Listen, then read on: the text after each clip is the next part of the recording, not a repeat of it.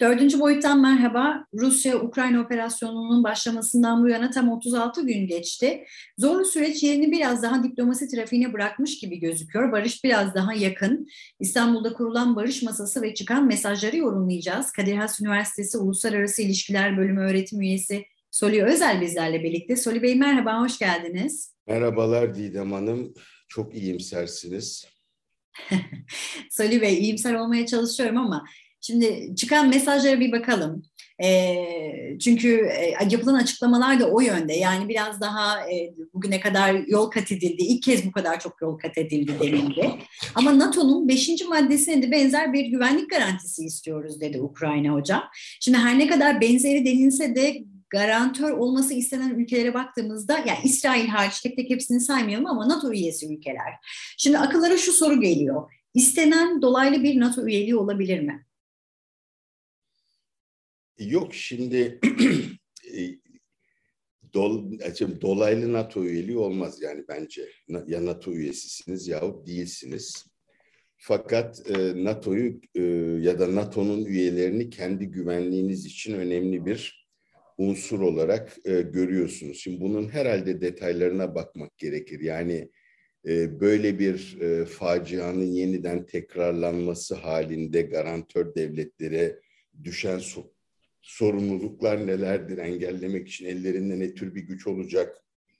Türkiye'nin Kıbrıs'ta 1974 yılında yaptığını yapabilecekler mi? O anlamda bir garantörlük mü olacak? Mekanik, mekanizma ne olacaktır? E bir de tabii yapılmış bir anlaşmaya rağmen Rusya Ukrayna'yı işgal etmeye veya orada bir darbe düzenlemeye kalkacak olursa Kıbrıs'ta olduğu gibi e, garantör devletlerin müdahale hakkı olacaksa o zaman ister istemez bir NATO devleti ya da birkaç NATO üyesiyle Rusya karşı karşıya gelecek demektir ve o zaman sizin dediğiniz noktada herhalde buluruz kendimizi NATO ile. E, Rusya karşı karşıya gelmiş olabilir. Bu bakımdan belki sizin tanımınızda dolaylı NATO üyeliği gibi bir şey oluyor olabilir. Yahut ya da şu olur yani garantör devletler bu işi ipe un sererek atlatmaya kalkabilirler. O zaman tabii üyelik yani savaşı tetikleyecek bir şey de ortaya çıkmaz. Ee, biraz bunun detaylarına bakmak gerekecek diye düşünüyorum.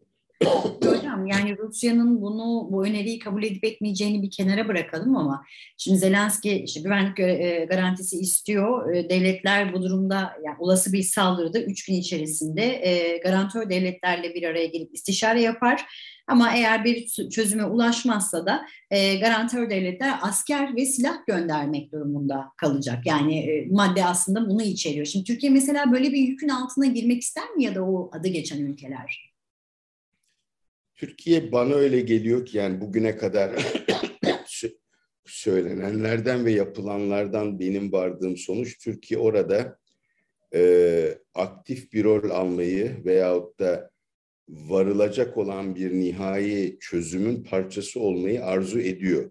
Fakat bence haklısınız bunun içerdiği önemli riskler var. Enine de boy, enine boyuna da düşünülmesi gerekir. Tek önce bir hakikaten görmek lazım. Yani şimdi e, üç gün istiş neyin istişaresini edeceksin? Rusya saldırdığı takdirde ne, neyin istişaresi edilecek üç gün boyunca? Ondan sonra asker gönderilecek. Bu bu durumda tabii şu var. E, savaş Ukrayna topraklarında kaldığı takdirde ve bir NATO üyesi devletin kendisine saldırı olmadığı takdirde belki bu NATO'ya karşı açılmış ya da NATO'nun topluca cevap vermesini gerektirecek bir durum yaratmayacaktır. Fakat bana fazlasıyla karmaşık ve hani bir kere çözülmeye başladıktan sonra kolay toparlanamayacak bir durum olurmuş gibi geliyor. Ama işte Zelenski'nin meramı burada belli. Benim bir daha ben benim ağzım yandı 1994 yılındaki Budapeşte mutabakatını, memorandumunu Ruslar çatır çatır çiğnediler. Dolayısıyla e, bir kağıda yazılı olacak olan ve Rusların iyi niyetine dayalı bir güvence beni kesmez demek istiyor ve belki elini en üst yerden açtı. Belki bütün bunları daha farklı bir zemine oturtacak e, bir sonuç e, müzakerelerle ortaya çıkar. Evet. Yani kimsenin bugün olduğu gibi yarın da e, NATO'nun e, Ukrayna için Rusya ile savaşa gireceğine pek ihtimal veremiyorum. Peki. Ee, hocam böyle devam edelim. O heyet içerisinde çok dikkat çeken bir isim vardı Abramovich.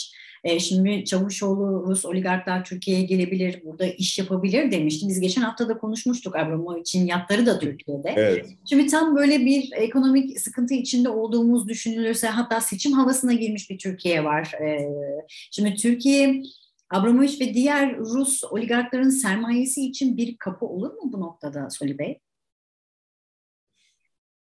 Şimdi bu Rus oligarklar kendilerine sığınacak yer arıyorlar. Evet. Anladığım kadarıyla Birleşik Arap Emirlikleri'ne giden var. Hı hı. Ee, oligark olmayan Ruslar da kaçıyorlar bir yerlere. Türkiye'ye gelen var, Ermenistan'a giden var. Başka nereye kaçabiliyorlarsa oraya kaçabilenler var.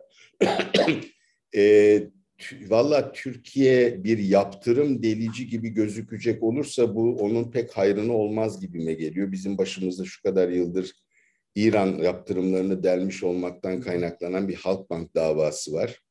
E, iş çok uzayacak olursa e, e, ki ben açıkçası sizin kadar iyimser olamıyorum. E, böyle barışça çok yaklaşmış olduğumuz kanaatinde değilim. E, sizin haklı çıkmanızı temenni ediyorum ayrı hikaye ama ben pek yakınlaşmış olduğumuz kanaatinde değilim. E, bu işler çok da uzadığı takdirde e, yaptırımları deler gibi gözükecek olan herhangi bir tutumun e, Türkiye'nin e, hayrına olacağını e, açıkçası düşünmüyorum. Ayrıca ben e, yani iktisatçılarla da bunu konuşursunuz. Türkiye'nin sorunlarının oligark parasıyla da çözülebilecek kadar küçük olmadığı kanaatindeyim. Peki hocam. para gelmesiyle bitecek e, durumda olmadığını düşünüyorum. Peki söz sıcak paradan açılmışken e, olası bir yani Türkiye eğer yaptırımları deliyor pozisyonuna düşerse böyle bir ikinci faza geçilir mi? Yani yaptırımları e, uygulamayan sadece Türkiye için değil tabii diğer ülkeler için de yaptırımı uygulamayan ülkelere de yaptırım uygulanması söz konusu. E tabii yani Çin'i mesela şu anda kaygılandıran bir, bir meselenin bu olduğunu sanıyorum. Evet. Ee, onlar da o yüzden iki arada bir derede kaldılar. Çünkü ikincil yaptırımlara uğradıkları takdirde kendileri için önemli olan bir takım ekonomik ilişkiler sekteye uğrayabilecek. Bundan Çin ekonomisi zarar görebilecek ve yani her yerde Covid bir şekilde kontrol altına alınmışken Hong Kong başta olmak üzere Şangay gibi bir şehirde filan Covid'in patlaması da bence Çin yönetimini sarsan bir olguydu.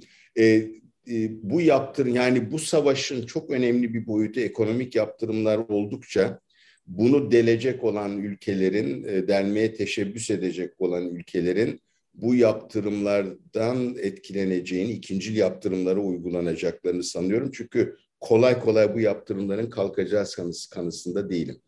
Evet. Biraz da tabii yani gene tekrar etmiş olayım, e, e, bu savaşın ne kadar süreceğine bağlı. Şunu da ekleyeyim son, savaş bitebilir de yaptırımların önemli bir bölümü de kalkmayabilir. Peki hocam. Yapışkandırlar çünkü. Söz öyleyse Çin'den açıldıysa ben bir son soruyla orada e, tamamlamak istiyorum. Şimdi başta ABD olmak üzere batılı ülkeler Rusya'ya e, desteğini kesmesi için Çin üzerinde bir baskı kurmaya çalışıyor. İşte haftalardır konuşuyoruz aslında bunu. Şimdi ABD Başkanı Joe Biden e, Çin'in Rusya'ya asker ve destek vermemesi konusunda da uyarmıştı. Hatta böyle çok üst perdeden de neredeyse tehditte bulunmuştu.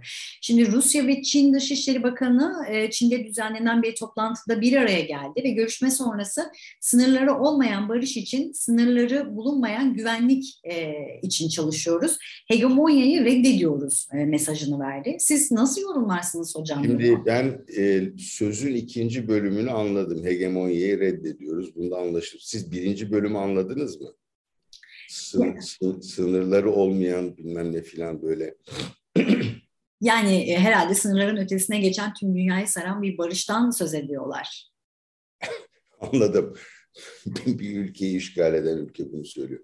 Ben şaşırmadım.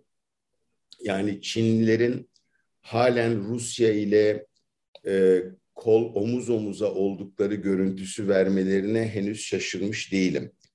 Ee, onların da bu iş bir an önce bitsin diye bir ümit beslediklerini tahmin ediyorum. Ee, bu şartlarda başka türlü davranmaları da kanımca beklenemezdi. Ama daha ne kadar sürdürebilirler?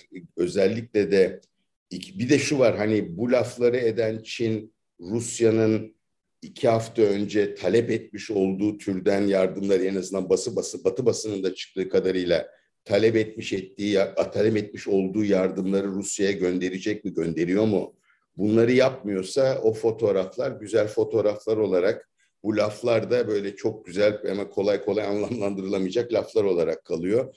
Benim kısaca demek istediğim bir İstanbul'da yapılan toplantı önemliydi fakat ben bir barışın eşiğinde olduğumuz kanaatinde değilim. Hatta e, eğer Amerikan istihbaratından e, aktarılan bilgiler doğruysa ve e, Kiev'in etrafından e, birliklerin çekilmesi değil, sadece yerlerinin değiştirilmesi gibi bir şey söz konusuysa ben Putin'in e, geçtiğimiz bir aydan da çıkarılan derslere uygun olarak ordusuna toparlanın ve yeniden saldırın talimatı vereceğini sanıyorum. Belki Kiev'e saldırmazlar tekrar ama e, doğudaki ve güneydeki işlerini bitirmeye çalışabilirler.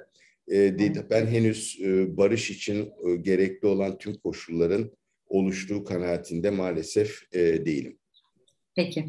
Beni de çok iyimser buldunuz e, söylüyor hocam. Çok çok teşekkür Daha ederim. Daha iyi işiyor yani. İlle kötü kötümser olmak gerekiyor. Çünkü bu, bu savaşın sürmesinin hiç de hoş bir şey olmadığını düşünüyorum mesela.